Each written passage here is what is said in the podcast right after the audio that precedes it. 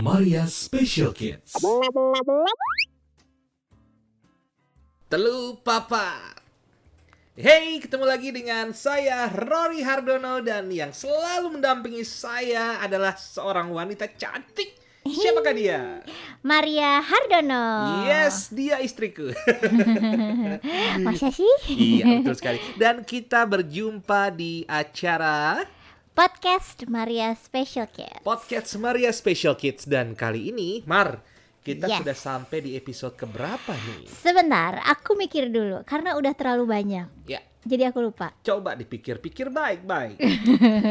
Gaya banget ya, padahal kita baru episode keempat Nah, ya. episode keempat aja sudah gaya banget. Oke, dan temanya di episode keempat ini adalah jangan panggil aku cacat. Oke, aku panggil kamu Rory. Iya betul sekali. Tapi ngomong-ngomong jangan panggil aku cacat. Kenapa ya? Kalau menurut aku sih emang kayaknya kurang etis ya, kurang bagus ya, kurang kurang enak, agak-agak negatif kayaknya ya. Tapi tapi itu kan sebenarnya dari dulu ya. Kalau kita ingat-ingat dari zaman kita kecil kita selalu taunya orang cacat, ya kan? Betul. Di berita-berita, di Betul buku, sekali. kalau ngobrol. Sebelum otak ini dipenuhi oleh ilmu-ilmu, waduh gaya. Gila. Saya emang mengalami ketika masih kecil eh, sering melihat orang-orang yang mungkin eh, nggak punya anggota tubuh atau dia punya kekurangan di apa gitu? Nggak punya anggota keluarga? Anggota keluarga. Termasuk? Nggak termasuk ya. Enggak. biasanya emang waktu dulu ya waktu masih kecil ya teman-teman selalu bilangnya ada ada orang cacat tuh ada orang cacat. Cuman begitu saya besar asik begitu Cie. saya besar tiba-tiba tunggu tunggu sebentar yang besar apanya badannya. 20 tahun kemudian asik saya jadi bisa berpikir bahwa itu sebenarnya bukan kata yang tepat sebenarnya. Oh, jadi kamu kepikiran kalau Iya, itu bukan jadi kata gini. yang tepat. Gini Mar. Suara hati teman-teman dengan disabilitas. Nih teman-teman disabilitas nih ternyata punya suara hati ya. Mereka sebenarnya nggak mau dipanggil cacat. Terus mereka maunya dipanggil apa Mar? Oke kita panggil aja namanya. Namanya Iya. orangnya ya betul Iya. sekali. Iya karena kalau dalam benak saya ya cacat itu sebenarnya agak kurang pas kalau itu ditujukan kepada manusia. Menurut menurut menurut daku nih. Oke. Nah terus berarti ke hewan atau ke tumbuhan boleh ya? Ke hewan atau ke tumbuhan hmm, tumbuhannya cacat. Kayaknya nggak nggak nggak asik juga ya. Nggak asik juga ya? Hewannya eh emang kenapa sih? hewannya cacat tahu ya ca- cacat sebenarnya pasnya buat apa ya? Ini perlu kita googling nih. Iya, ke googling. Coba googling. Aku pernah googling tapi aku nggak nemu. Cacat. Iya, cacat. Nah, segini, kamu kalau misalkan dengar kata cacat, emangnya eh, kenapa ya kira-kira? Ini kan udah nggak dipakai kan zaman sekarang kan kata betul betul cacat. betul. Cacat itu kalau aku aku mendengar itu adalah sesuatu benda yang ketika fungsinya sudah tidak berfungsi fungsinya sudah tidak lagi berfungsi Fungsinya maka dia akan dianaktirikan maka dia tidak akan dipergunakan lagi dan dia dianggap cacat. Kalau itu sebuah barang di toko dia tidak layak dijual mungkin ya. Jadi dia didiskon mungkin. Kalau barang cacat di toko, ya bener sih. Kemungkinan ada yang mau beli, ya masih ada, tapi jadi lebih kecil. Oke, kalau misalnya kamu punya handphone cacat, biasanya kamu apain? Kalau aku punya handphone cacat, biasanya handphone itu akan aku buang lah. Wih, gaya lo langsung Aku dibuang. Oke. Nah, itu sebenarnya. Itulah Apa kan ya itu. Kenapa kita nggak nggak pas nih kita panggil orang Mm-mm. dengan cacat. Masa iya gitu ya? Misalkan orang nggak punya tangan terus kita bilang orang cacat terus kita buang. Jangan dong. Nah. Itu tidak manusiawi.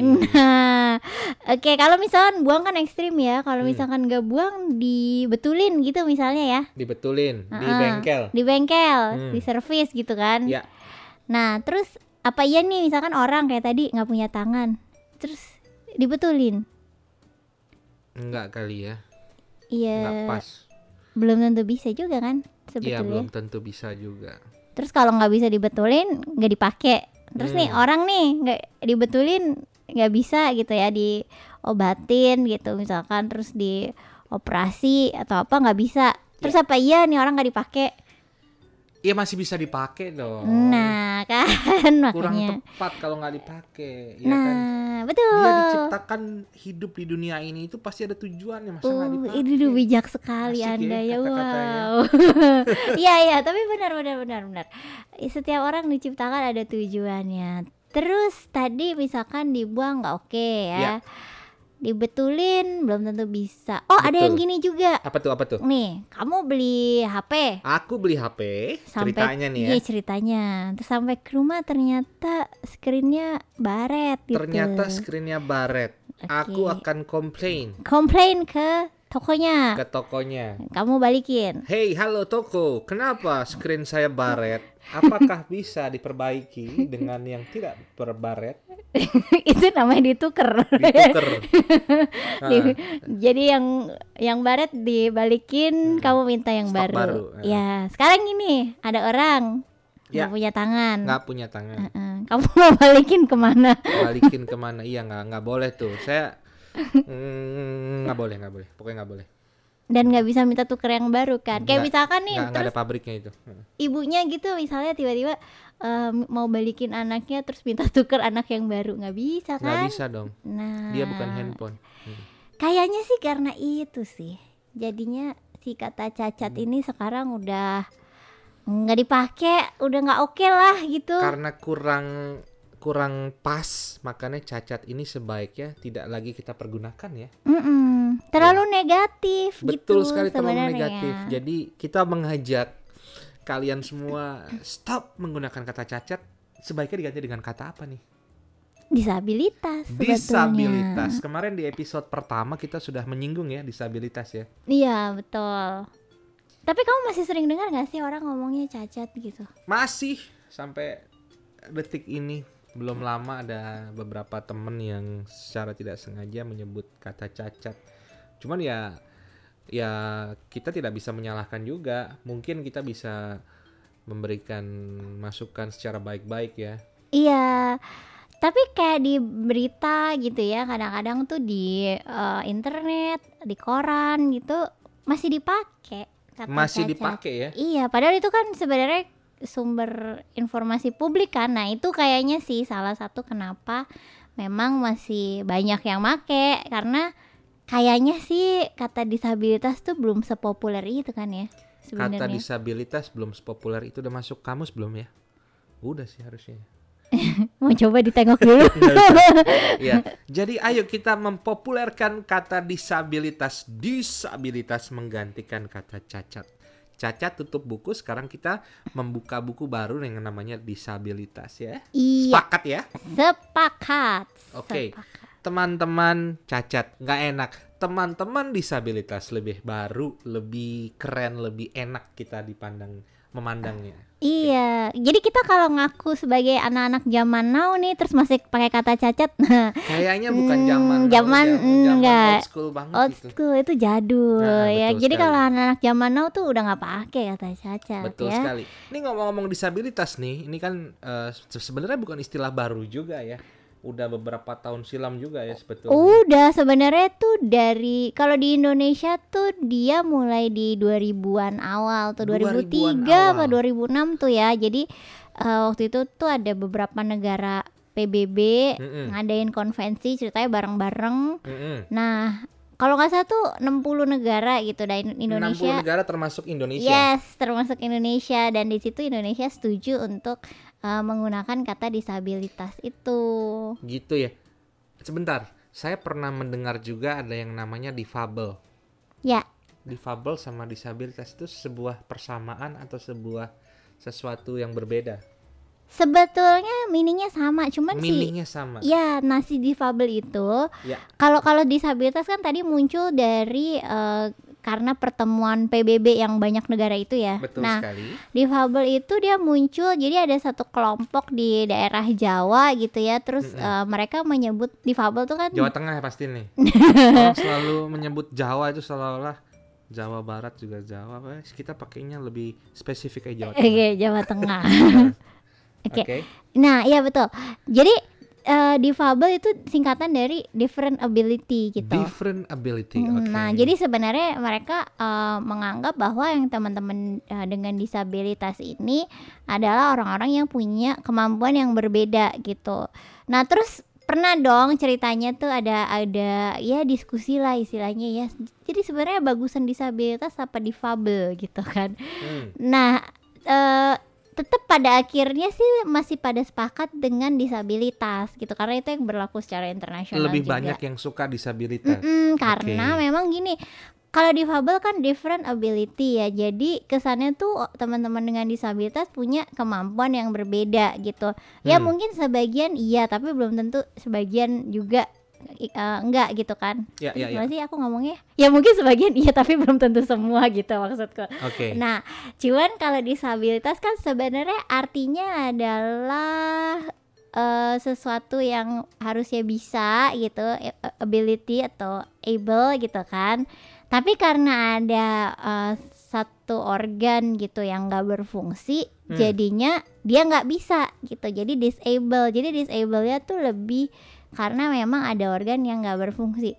Nah, cuman sebetulnya disable ini ketika ada supportnya, ketika lingkungannya eh, memberikan fasilitas, memberikan dukungan sehingga dia jadi bisa, ya dia udah nggak disable lagi sebetulnya Oke. untuk hal itu. Jadi kenapa terus akhirnya eh, yang diakui secara nasional dan lebih banyak dipakai Hmm? disabilitas tuh karena itu sih gitu tapi nggak ada masalah juga sih kalau emang ada beberapa teman yang akhirnya prefer pakai difabel ya nggak apa-apa lah itu kan selera juga gitu ya yang penting bukan cacat lagi lah yang dipakai gitu Iya, iya, iya, iya. Oke. Dan gini, Mar, dulu orang selalu mikir gimana sih cara menyembuhkan disabilitas seseorang. Orang yang disabilitas baru bisa ngapa-ngapain setelah disabilitasnya hilang atau sembuh. Hmm, iya bener Hmm, aku gitu. ngalamin tuh Ya. iya jadi eh dulu tuh pandangannya gitu ya Hmm. pandang balik lagi ya pandangan old school ya mungkin cocok lah buat oma opa kita gitu ya jadi dulu itu Wait. gantian Oke. Ada suara HP. Terus terus terus. Ya, jadi dulu tuh selalu eh, mikirnya bahwa kalau orang punya disabilitas Kayak gitu, penyakit gitu ya. mm, dianggapnya kayak penyakit. Kalau Hmm. ada yang kayak tadi tuh misalnya contohnya tangannya nih misalnya eh, patah gitu ya, Ya, jadi ya, ya. Mesti tangannya dioperasi dulu ganti tangan baru atau Sampai jari tangan lagi baru dia tidak dianggap disabilitas. iya baru dianggap boleh ngapa-ngapain Boleh gitu. ngapa-ngapain. Makanya dulu kan sering kan dengar cerita yang kayak misalkan eh, anaknya eh, ini nih misalnya nggak bisa jalan, ya udah dia nggak sekolah aja gitu di rumah sementara kakak adiknya ya sekolah gitu karena, karena bisa jalan. karena bisa jalan kayak gitu. Hmm. Jadi selalu melulu berusaha untuk nyembuhin, nyembuhin, nyembuhin gitu. Dan Hmm. kalau misalkan nggak sembuh ya nggak sekolah. Kita kan juga punya kan saudara ya yang eh, dia tunanetra dan dia dia dia doang yang nggak sekolah. Sementara kakak adiknya yang banyak itu sekolah semua gitu. Karena mikirnya iya nanti kalau matanya udah sembuh baru dia dia bisa sekolah. Soalnya kan kalau nggak bisa lihat kan nggak bisa baca. Gitu kan pandangannya Karena tidak bisa baca, jadi nggak bisa nggak sekolah. bisa gitu. sekolah ya Waduh. udah nggak disekolahin gitu dulu Apa kan kabar kayak kamu nih? Eh, iya luar biasa. Eh, Jadi terus, terus. dari dulu dulu dulu aku ngalamin juga kan. Ada Hmm. bertahun-tahun itu yang isinya tuh nyari dokter ya kan, Hmm. pengobatan-pengobatan dari yang eh, pengobatan medis sampai pengobatan alternatif Yes. gitu kan Ya. yang dengan segala usaha gitu mau operasi mau vitamin mau apa mau didoain atau apa gitulah pokoknya. Yang penting matanya sembuh gitu kan. Hmm. sempat ngalamin itu gitu. Cuman eh, ternyata nggak bisa. Dan kita tuh sebetulnya nggak boleh stop di situ. Nggak Jadi- boleh stop di situ ya. iya nggak stop di nyari eh, pengobatan nyari supaya sembuh gitu. Karena emang faktanya dari se- segala teori dan segala penelitian lebih banyak ya bukan lebih banyak sih kayaknya semua deh. Kalau yang namanya disabilitas tuh memang nggak sembuh gitu. Sekarang kayak anak autism kan? Iya, iya. atau anak ADHD gitu. Nah, kan problemnya di otak nih. Nah, mau diapain kalau problemnya di otak? Otak dioperasi kan nggak bisa. Ya. gitu kan? Jadi sebetulnya ya nggak bisa kita stuck di berusaha untuk sembuh atau ngobatin. Hmm. Maria Special Kids. Gitu Tapi apa yang bisa kita lakukan untuk ke depannya harusnya ya? Ya betul. Nah dulu tuh yang pandangan kayak gitu tuh disebutnya tuh social model tuh eh salah medical model gitu ya. Medical model. Medis pokoknya mikirnya Medis, sembuh pengobatan ke dokter gitu-gitu gitu. Nah Hmm. terus habis itu kan karena itu pandangan kayaknya aduh oh nggak pas lah gitu ya ngelihat eh, Baru sadar nih Mm-mm, ceritanya. baru sadar orang-orang Oke. gitu. Kayaknya nggak bisa deh nih orang-orang disabilitas ini ditunggu sampai sembuh gitu baru dianggap orang gitu. Jadi akhirnya muncullah social model. Nah social model tuh yang sekarang, yang yang zaman sekarang nih. Jadi kita Era sekarang ini ya. iya kita nggak nungguin dia sembuh. Tapi apa nih yang lingkungan sosial bisa lakukan supaya walaupun dia disable tapi dia tetap bisa ngapa-ngapain. dia bisa beraktivitas seperti iya, yang lain gitu ya. betul. Jadi zaman now sudut pandangnya sudah lain ya intinya ya. Iya, Orang dengan disabilitas intinya tetap bisa beraktivitas dengan caranya mereka. Iya. Iya kan? Iya, dan sekali lagi kalau Ya. teman-teman merasa jadi anak zaman now, anak-anak kekinian gitu. Yes. Jadi jangan mikir ke arah yang itu ya, yang eh, kalau orang-orang yang disable udah suruh berobat dulu sampai sembuh lah baru dia ikutan kita gaul gitu. nggak nggak bisa gitu. Jangan dong. Jangan, sekarang kita social model, kita pikir, oke, kamu disable nih, apa ya yang bisa kita kita kita lakukan nih buat bantuin kamu supaya kamu tetap bisa sekolah, tetap bisa eh, ke bioskop gitu kan, tetap, tetap bisa nongkrong di kafe, tetap bisa ngapa-ngapain bareng kita gitu. Eh ngomong-ngomong bioskop nih, Mar. apa ya? Kemarin aku pengalaman pertama mengikuti bioskop bisik. Belum Iya, belum lama nih. Ah, iya, itu film apa ya waktu itu yang kita nonton Ada ya? deh pokoknya filmnya nggak usah disebut deh ya. Pokoknya Karena film- kamu juga lupa tentang- judulnya, aku yakin makanya kamu gak bisa sebut. Pokoknya filmnya tentang zaman penjajahan dulu deh. Ya. Iya, betul. Oke. Eh, Eh, diceritain dong bioskop bisik tuh apa? bioskop iya. Jadi di di di situ tuh pengalaman pertama aku tuh ikut bioskop bisik kan. Jadi bioskop bisik itu diadakan untuk mensupport teman-teman tunanetra. Nih semoga betul ya. Ntar tolong dibetulin kalau salah ya. Mensupport teman-teman tunanetra supaya bisa ikut eh, nonton di dalam bioskop. Di mana bioskop itu kan visual Mm-mm. ya tapi karena mereka tunanetra nggak semuanya bisa melihat eh, bioskop gitu kan eh, visualnya jadi kebanyakan dengerin suaranya tapi kalau hanya dengerin suara tanpa melihat visual kan kadang-kadang banyak yang keskip keskip gitu kan? Iya, kan? apalagi adegan-adegan yang itu tuh yang kayak cuman musik, gambar berbicara eh, gitu ya. gambar berbicara atau kadang-kadang kan ada yang misalkan tiba-tiba di antara bahasa Inggris atau di antara bahasa Indonesia terus Ada nyelip bahasa bahasa, Mandarin keluar. asing gitu Iya. kan nggak ngerti iya roaming langsung. iya betul tiba-tiba keskip aduh nih udah lompat ke mana masih berpikir ke mana gitu kan Iya, benar. Nah, di situlah peran kita sebagai orang kita bi- bilangnya kalau eh, kita yang nonton tunanetra sebagai orang apa? Pembisik. pembisik Iya, ya. yang peran peran aku nih sebagai pembisik adalah menjelaskan ke teman-teman yang duduk di sebelah kanan atau kiriku. Jadi mereka aku jelaskan tapi nggak boleh nggak boleh keras-keras ngomongnya. Bisik-bisik. Iya, makanya judulnya bisik. sekarang adegannya eh, jagoannya lagi baikan sama musuhnya nih. Karena dia sudah mendapatkan apa yang dia inginkan. Jadi dia nggak jadi berantem jadi baikan dia terus berdamai. Terus sekarang dia udah kembali naik kereta api. Karena nggak ada dialog ya jadi gambarnya saya jelasin satu persatu. Awalnya capek juga nih tapi lama kelamaan melihat reaksi teman-teman yang saya jelasin eh, melalui bisikan saya itu antusias, saya jadi antusias juga karena melihat dia, wow, sampai benar-benar menikmati gitu loh suara saya yang sebenarnya cempreng, tapi ternyata bermanfaat. Saya jadi tambah semangat loh.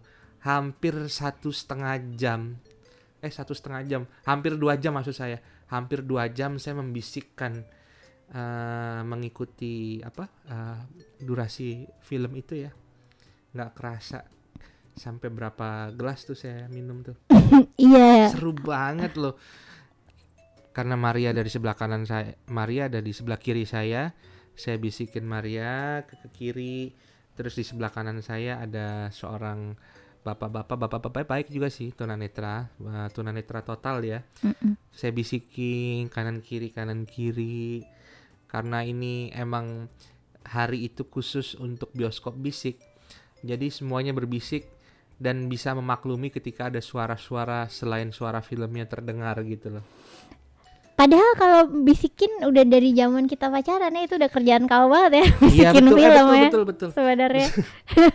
Secara Cuman- nggak langsung sebetulnya aku udah nerapin ke Maria bisik-bisik kalau nonton film sih sebetulnya. Ih, Cuman kau baru tahu bahwa bias- bisa nih satu bioskop disewa Ah, ah, terus betul. tunanetranya sebanyak itu terus semuanya nonton bioskop rame-rame gitu ya. Iya betul betul betul. Itu itu itu, itu seru banget sih. Eh, teman-teman harus mencoba tuh kalau misalnya ada sebuah kegiatan bioskop bisik setelah eh, pandemi ini berakhir ya, di mana kita udah bisa nonton bioskop lagi. Coba deh pengalaman baru itu, seru banget beneran, nggak bohong. Iya. Betul. Dan Nah. kita yang tunanetra tuh terima kasih banget loh sama orang-orang yang mau tuh capek-capek berbisik gitu. Biasanya sih kalau ada eh, sempet kan kita ngobrol ya waktu itu sama betul. teman-teman yang lain yang kenapa sih mereka mau gitu eh, jadi pembisik padahal kan capek ya nonton gratis ya jawabannya. Nonton. soalnya kalau kalau enggak kan harus bayar biasanya. Nah waktu itu tuh kebetulan biasanya tuh acara-acara bioskop bisik tuh karena ada sponsornya kan. Terus emang udah kerja sama sama bioskopnya segala jadi ya memang akhirnya bisa gratis gitu. Kalau bisa sih pembisiknya udah lebih dulu ngerti ceritanya sih kalau bisa. iya kalau bisa. Lebih bagus tuh kalau Nah, kayak cari gitu. tahu lewat internet gitu. iya Jadi bener. paling enggak kalau dia lagi ngebisik nggak ke skip juga dia ntar tiba-tiba dia mental ke mana. Lah saya juga perlu dibisikin nih. Bener. Apa, apalagi kadang-kadang kan kalau yang adegannya terlalu sedih atau terlalu seru gitu terus pembisiknya asik sendiri mas malahan saya nggak lupa. dibisikin? Ntar dulu pak saya lagi nangis pak. Iya bener-bener Iya. iya kacau Iya. tuh kalau gitu. Nah itu pengalaman keren banget sih tadi ya. Ini untuk eh, mendukung teman-teman tunanetra atau teman-teman disabilitas yang kebetulan ada kegiatan yang namanya bioskop bisik. Saya menunggu lagi setelah pandemi kalau ada saya mau ikut lagi. Eh, film-film yang romantis kalau bisa ya. Kalau film action capek. Ngebut. Iya lebih susah ya Iya. deskripsinya ya. Oke, terus terus. Eh, ini kita berbicara ini teknologi kan, bahwa sekarang teman-teman disabilitas nih eh, udah banyak yang eh, terbantu dengan adanya teknologi, termasuk kamu ya Maria.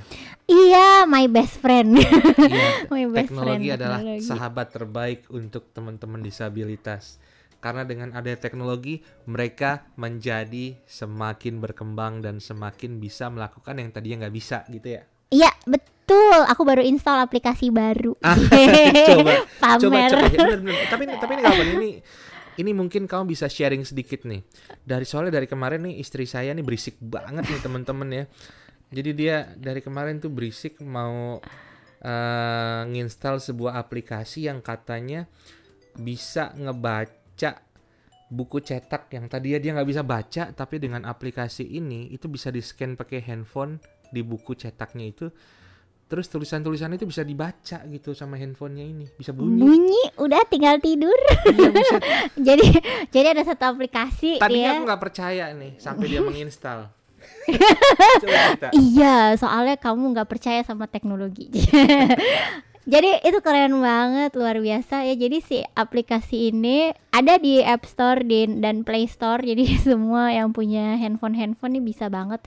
Nah dia itu eh, fungsinya adalah membacakan. Jadi bentuknya eh, kalau dibuka itu kayak kita buka kamera sebenarnya. kalau Jadi dibuka kayak kita buka kamera Mm-mm, oke jadi kayak Nah, kita mau motret gitu. Nah, terus eh, kita pilih nih, kita mau eh, minta si softwarenya ini untuk membaca apa atau menjelaskan apa.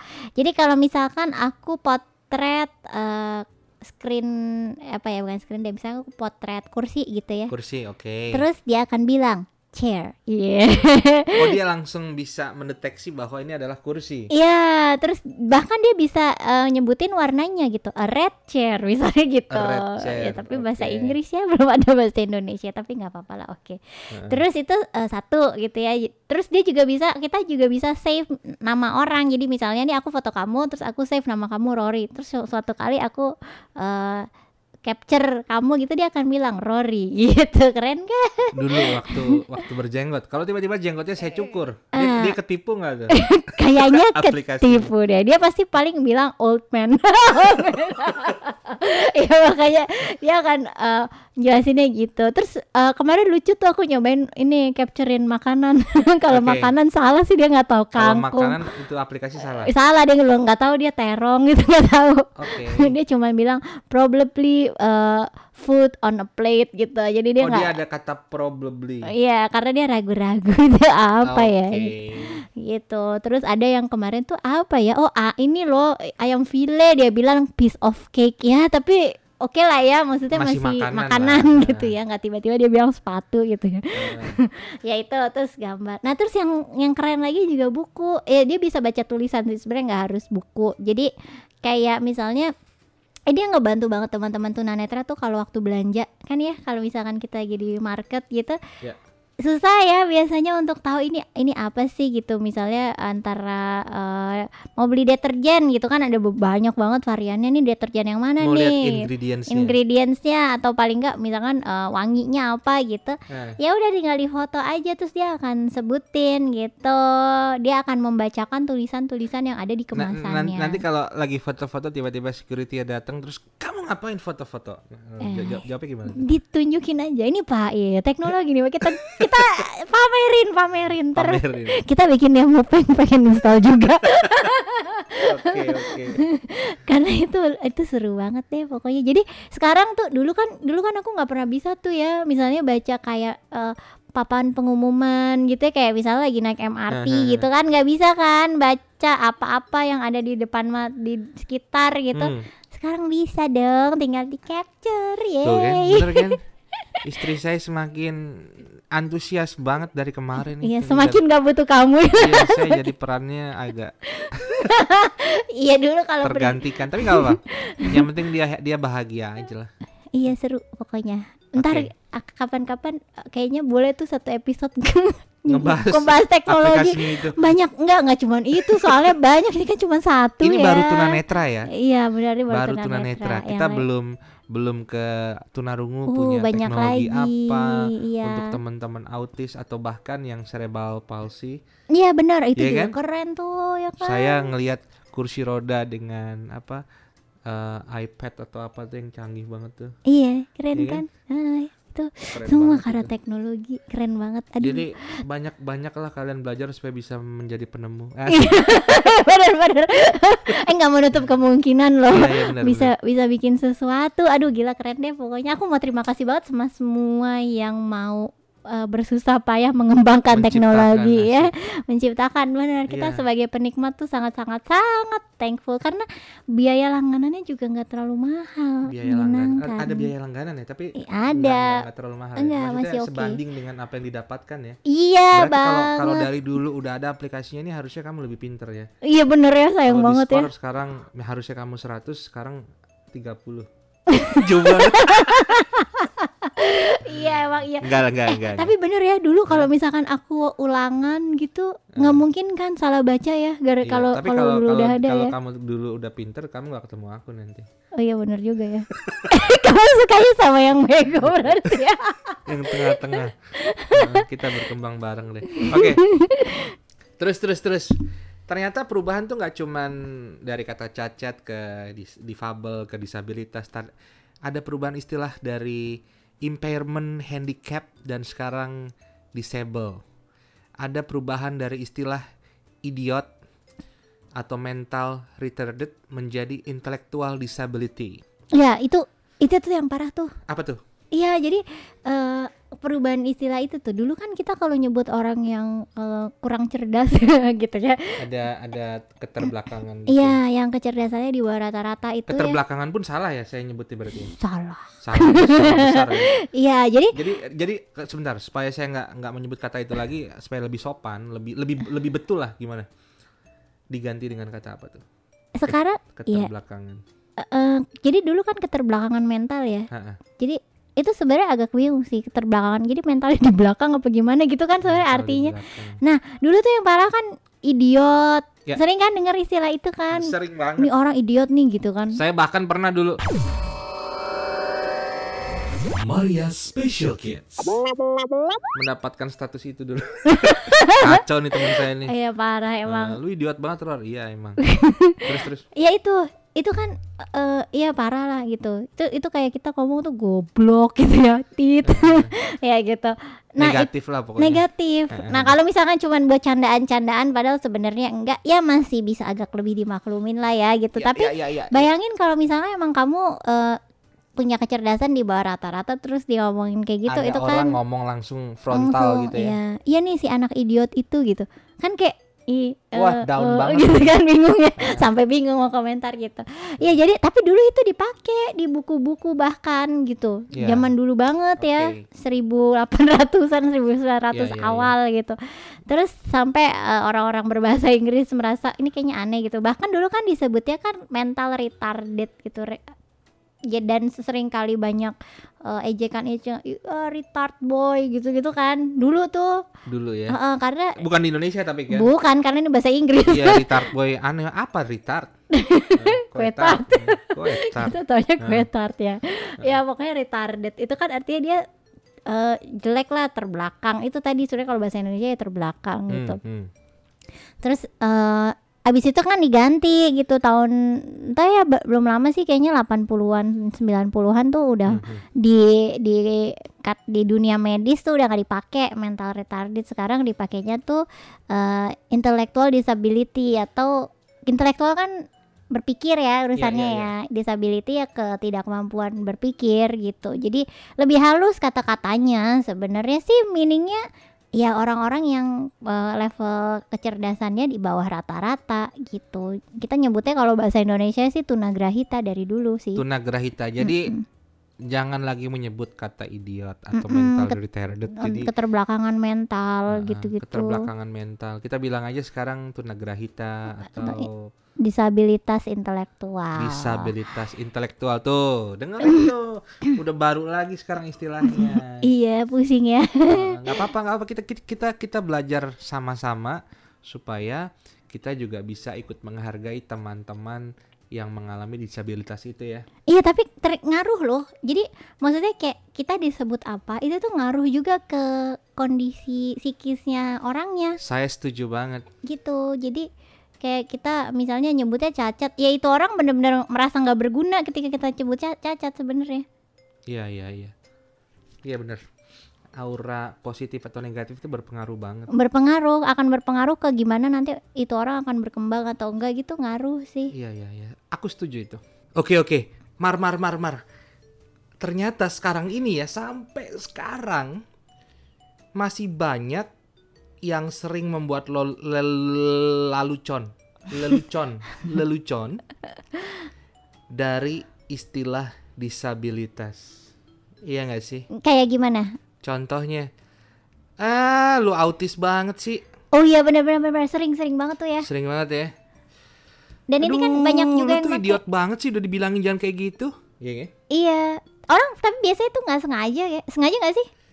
sebenarnya buat mereka yang bukan mengawali artinya hanya mengikuti mengikuti itu apa Buat yang nyautin gitu, maksudnya. bukan eh jadi mereka cuman copy paste dari entah itu dari YouTube atau Oh, mereka ngikutin dari Jadi kayak temen-temennya mereka dengar follower, terus follower. mereka ini ya, mereka ngikut ngikut ngomong kayak gitu karena dengar Nah, orang lain ngomong gitu gitu ya. Iya. Jadi eh, banyak yang nggak sadar mereka mencontoh sesuatu yang salah. Mungkin mereka pikir itu keren. Mungkin mereka pikir eh, dengan mereka berbicara seperti itu eh, itu jadi lucu atau jadi gimana gitu ya. Iya, menurut kamu lucu gak sih kayak gitu? Sebelum eh, saya mempelajari eh, disabilitas, Cie, saya kamu juga udah nggak belajar. Iya. Aku juga nggak tahu. Aku juga nggak tahu gitu loh. Apa sih definisi dari autis? Yang aku tahu ketika seseorang dilabelkan autis itu eh, orang itu pasti eh, dia sibuk sendiri, dia nggak bisa diem, meskipun dia bukan disabilitas gitu loh. Pada Iya. waktu aku kecil dulu, Itu dari kamu kecil udah ada yang autis banget loh, itu udah udah SMA dari- lah SMA lah. SMA ya. SMA, tuh SMA. berarti kayak 2000-an awal Gak usah gitu. disebut lah. Ya. Iya. Takut ketahuan umurnya kamu ya. Heeh. Jadi kayak gitu. Nah itu itu kan mm, nggak banget ya. Maksudnya se- seharusnya iya, jangan. ya. iya, karena eh, ya ini sih maksudnya kalau bayangin aja kalau misalkan kayak adikmu atau saudaramu gitu ada yang autis terus kamu dengar itu jadi lelucon. Padahal ih sangat nggak lucu loh punya anak autis tuh nggak lucu banget. Atau punya teman punya saudara autis tuh sebenarnya nggak lucu gitu. Dan orang tuh eh, mungkin sebenarnya basically karena nggak tahu sih ya. Kalau misalnya mereka tahu menurut aku kayaknya nggak akan dipakai buat lelucon juga gitu. Karena kan kayak autis itu kan tiba-tiba populer. Cuman nggak ada yang benar-benar menjelaskan sebenarnya autis itu apa sih. Bahkan sampai sekarang aja masih banyak yang nggak tahu anak autis tuh apa gitu itu itu anak Iya, yang betul. macam apa Dan terus apa-apa yang terjadi kalau dan apa yang terjadi andai kata mereka yang penyandang autis itu sendiri mendengarkan eh, lelucon itu. iya biasanya tuh yang paling sakit hati orang tuanya sih Iya. karena Misalnya mereka lagi di rumah makan terus di seberang meja mereka lagi ada anak-anak eh, muda gitu terus bercandanya "Ah, lu autis banget sih nah orang orang tua pasti sakit ya denger gitu ya. iya sakit hati karena ya nggak lucu. Kalau aku dulu tuh sering di ini ya gini, eh si Juling, si Jereng kayak gitu. Soalnya kan Juling jereng Iya, oke. karena kan kalau misalkan aku ngelihat nih, aku ngelihat kamu gitu kan bola mataku nggak center gitu kan ke kamu terus Iya. mereka teman-teman aku dulu tuh sempet tuh ada masa-masa itu. ada label di mana kamu dipanggil menjadi si juling Iya, atau jereng Yes. oke nggak enak tuh ya nggak enak lah dulu. Sekarang sih ya udahlah, udah sering udah biasa.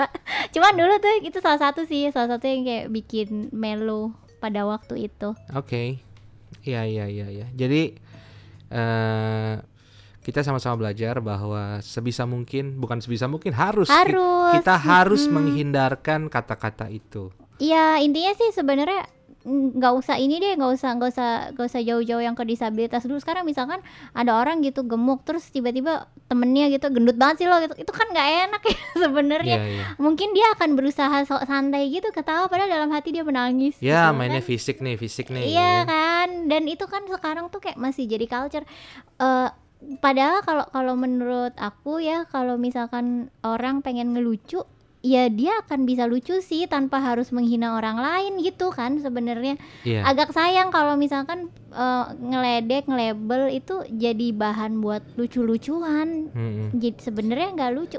Kalau kita lihat kayak stand up stand up komedi yang keren-keren itu kan mereka lucu tanpa harus menyindir orang kan sebenarnya. Makanya banyak baca asik. iya gaya banget. Padahal kita jarang baca ya. Aduh nih su- suara motor kok banyak ya asik kok banyak ya. itu Iya. tanda ini siang biasanya kita rekaman malam nggak ada Oke, motor terus eh, Mar Mar, apa jadi ini udah keluar dari topik yang tadi ya. Yang- Intinya uh-uh. eh, kita jangan deh pakai kata-kata yang bisa mencederai orang lain. Asik. Iya, kita biasakan aja untuk ini loh eh, ngomongnya tuh dengan yang baik-baik gitu karena Iya. Dari di- orang akan suka sama kita kalau kita ngom- ngomong yang bagus. Kalau orang ya kalau kita ngomong yang nggak baik, ngeledek, mungkin kesannya lucu sesaat gitu, tapi bekas-bekasnya gak enak. Tapi kalau Mungkin- kita dari mungkin- awal baik, Mungkin lebih baik- lebih lebih kerennya gini-gini. Eh kamu handsome banget sih. Ya kan? iya. Kamu akan kamu bisa lebih handsome lagi kalau misalnya kamu nggak usah gini deh. Iya kan? Iya, itu atau itu atau level handsome kamu saran. pasti bisa bertambah sampai 10 kalau misalnya kamu nggak ngupil. Asik. Kayak ngupil ngaruh-ngaruh ya. Iya ya enggak enggak. Ya ini ini cuma Contoh, contoh, contoh. yang nggak pas. Contoh. Yang nggak pas. daripada nggak ngasih contoh ya iya daripada nggak ngasih contoh ya oke lah oke terus ini eh, ternyata Mar Heeh. Eh, cerita tentang adanya anak-anak ABK atau berkebutuhan khusus yang dikurung di rumah ya. Itu di masa pandemi seperti ini ternyata eh, beberapa waktu yang lalu kan sempat baca-baca ya. Mm-mm. itu ternyata ada loh. I- itu dari dulu nggak? Dari iya, tapi tapi di saat pandemi seperti ini eh, terutama yang eh, kalau yang sampai ke masalah kejiwaan tuh termasuk ABK nggak sih? masuk, Masuk lah ya? heeh, kan Ah itu ada karena orang tuanya nggak nggak pingin dia berkeliaran di luar sana atau ya nggak tahu lah alasannya macam-macam deh. itu Ta- itu tapi itu ada. iya kalau kalau sekarang anak-anak dikurung gara-gara takut kena virus kan Iya sebenarnya betul betul. Iya itu kalau sekarang pandemi. Tapi kalau dulu ya dulu ya sebenarnya macem-macem sih. Ada yang gini, eh, yang yang yang dikurung karena hal yang positif tuh gini. Ada kayak beberapa anak eh, berkebutuhan khusus kan mereka secara kondisi fisiknya tuh lemah tuh kayak anak-anak dengan misalnya contoh yang cerebral palsy ya, atau misalkan yang tunagrahitanya agak berat, yang sampai punya masalah biologis itu biasanya emang orang tuanya berusaha banget anaknya untuk stay di rumah supaya nggak kena penyakit dari luar gitu bahkan kan ingat nggak sih ada yang waktu itu ibu ibu-ibu cerita bahwa anaknya itu eh kalau misalkan dia mau terima tamu ada saudara mau datang segala macam itu ditanya sehat atau enggak karena si anak ini kayak kena virus dikit sakit gitu ada siapa yang Antibodinya dia Iya, nggak sekuat orang-orang Mm-mm. pada umumnya ya. Iya betul gitu bahkan jadi si keluarga ini tuh jarang banget atau mungkin malah nggak pernah gitu pergi keluar kota yang naik ini ya public transport gitu-gitu jadi Mhm. kalau liburan misalnya ke puncak naik mobil ke pen- penginapan sampai di sana ya udah adanya keluarga itu aja gitu. Karena emang ya supaya nggak sakit anaknya. Ini kan sesuatu yang sebenarnya dilakukan supaya menjaga kesehatan anaknya. Ini sih oke gitu. Nah yang bikin eh, sedih itu ada orang tua yang nggak nggak bawa anaknya keluar diumpetin karena dia malu sama tetangganya. Oh kar- karena mungkin punya anak eh, berkebutuhan khusus. Misalnya anaknya eh, lumpuh gitu terus orang tuanya malu atau misalnya eh, orang tuanya nggak mau repot karena kan susah kan kalau Hmm, misalnya hmm, hmm. harus dorong-dorong kursi roda misalnya kayak gitu Hmm. itu yang yang bikin kayak aduh kasihan gitu karena Miris ya. miris harusnya anak itu bisa berkembang lebih jauh gitu kalau misalkan diberikan kesempatan untuk keluar tapi ini memang dibatasi sama keluarganya karena pandangan yang dulu itu karena mungkin si orang tuanya masih mikir oh ini anak boleh keluar kalau kakinya udah sembuh gitu padahal kan banyak kondisi disabilitas yang emang nggak bisa disembuhkan karena ini bukan penyakit bukan kayak batuk pilek Iya betul betul. demam gitu yang mungkin Iya, iya, seminggu iya. sembuh Iya betul. Eh, Mar, kalau tadi kan yang yang ceritanya yang sedih-sedih tuh. Iya Oke. kalau misalnya ada nggak sih cerita teman-teman disabilitas atau tentang akse- aksesibilitas yang keren-keren? Oh ada dong, ada, ada. Ini yang membuktikan adanya perubahan pandangan terhadap teman-teman disabilitas. Ini maksudnya aksesibilitas tuh akses-akses ya. Ya aksesibilitas tuh artinya gini, jadi kayak em, apa ya kayak fasilitas atau dukungan-dukungan dari lingkungan yang bisa bikin teman-teman dengan disabilitas tuh bisa beraktivitas kayak orang-orang lain gitu. Jadinya jadi nggak terbatas gitu. Contohnya tuh misalnya kalau kayak kita pergi ke mall itu kan banyak tuh yang eh, menyediakan ada lift, ada eskalator, terus ada bidang miring. Jadi kan eh, teman-teman disabilitas tuh bisa milih mereka paling nyaman tuh misalkan mau naik ke lantai berikutnya pakai yang mana misalnya gitu kan. Betul. Ada yang lebih eh, prefer pakai lift, ada Bahkan ada toilet miring. Untuk disable, ada juga parkir ya. parkir khusus juga kan. ada parkir khusus juga betul. Mm-mm. Sama ini kalau kalau aku tuh paling suka ya ke gedung yang liftnya itu bisa menyebutkan setiap sampai lantai berapa. Betul. Jadi kita pencet tombol dan itu banyak juga kan sekarang lift yang ini apa udah ada huruf braille-nya atau dia angka angka Jadi liftnya bisa tinggal. diraba ya? Ah-ah, bisa diraba gitu. Ya atau minimal kalau nggak secara mesin dia bilang third floor tapi ada petugasnya lah lantai tiga bu silakan gitu Hmm, lumayan lah betul, benar, benar, benar. Uh, uh, terus apalagi ya ini um, di kalau di Jakarta kan kayak si MRT terus eh, halte trans itu kan juga sebagian tuh udah ini kan udah accessible gitu untuk Iya betul. teman-teman disabilitas terus ya teknologi eh, si keluarnya banyak aplikasi-aplikasi itu juga termasuk sih termasuk eh, aksesibilitas yang keren-keren yang bikin teman-teman tuh bisa gitu ngapa-ngapain jadi jadinya semakin menyerupai kehidupan orang-orang yang nggak punya disabilitas Betul sekali. Beberapa menarik sih, pernah lihat beberapa film-film dokumenter ya yang ada di eh, YouTube atau di beberapa media. Kayak di daerah-daerah ada beberapa penyandang disabilitas yang mereka mer- merancang sendiri eh, motornya, kendaraan roda duanya. Eh, mereka ubah. Ini tunadaksa nih kayaknya nih Mm-mm. tunadaksa mereka ubah supaya mereka bisa mengakses eh, motor ini dengan eh, ya apa yang mereka miliki saat ini Mm-mm. tapi mereka juga kayak eh, ojek-ojek online sekarang ini mereka apa mencari penumpangnya itu ya teman-teman disabilitas oh jadi yang yang, Yang bawa Pelak- pelakunya disable. apa yang pelakunya lagi apa yang drivernya drivernya Heeh. itu disabilitas Heeh. penumpangnya juga disabilitas Oh. Keren banget itu. Iya, bener. Hmm. Bagus tuh. Itu yang ini juga bukan sih yang kayak motornya tuh kayak dikasih bagasi gitu. Jadi mereka bisa bawa kursi roda juga. Betul, jadi motornya itu ada boncengannya gitu loh. Jadi Mm-mm. eh, mu- eh, muat untuk eh, ada bidang miringnya, jadi kursi rodanya bisa bisa naik sampai apa masuk semua, terus udah tinggal duduk. Itu di Jakarta ada nggak sih kok kayak aku nggak pernah lihat ya? Itu kayak di Jawa Tengah deh, di Jogja atau di Oh. mana gitu saya lupa. Iya, lihatnya di YouTube. Hmm, Iya benar-benar. Nah, inovasi-inovasi seperti ini tuh penting sekali ya. Banget penting. Jadi Dan kalau Aku jadi ah, appreciate banget orang-orang yang punya ide. betul banget, betul banget. Jadi kalau emang kamu punya kelebihan ya yang udah diberikan Tuhan dan kamu bisa melakukan sesuatu untuk sesamamu terlebih teman-teman disabilitas ya itu keren banget sih Keren banget. Karena terus habis itu pasti banyak yang doain. Kira-kira seperti itu sih eh ini ngomong-ngomong kita udah berbicara lama juga nih ya iya, bener. tidak terasa. Oke. Semoga eh, apa yang udah kita sharingkan di kesempatan episode keempat kali ini ya. Tadi seperti udah dibahas di awal jangan panggil aku cacat. Udah banyak sekali yang bisa kita sampaikan ya Mar. Mm-mm, pokoknya intinya udah si cacat ini silahkan dihapus dari kamus otak teman-teman semua jangan dipakai lagi diganti dengan disabilitas, Disabilitas, gitu. betul dan banget. kita selalu berusaha pokoknya kalau mau ngomong sama orang siapa pun itu disable atau enggak even teman dekat kamu orang tua kamu anak siapa pun itu ngomong kalau bisa usahakan dengan yang positif gitu nanti kita akan terbiasa kok menghargai orang lain dari kata-kata kita gitu betul sekali istriku.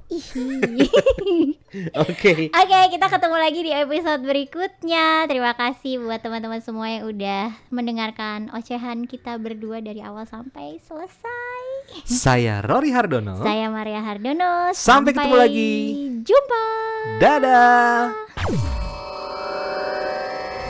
Maria Special Kids.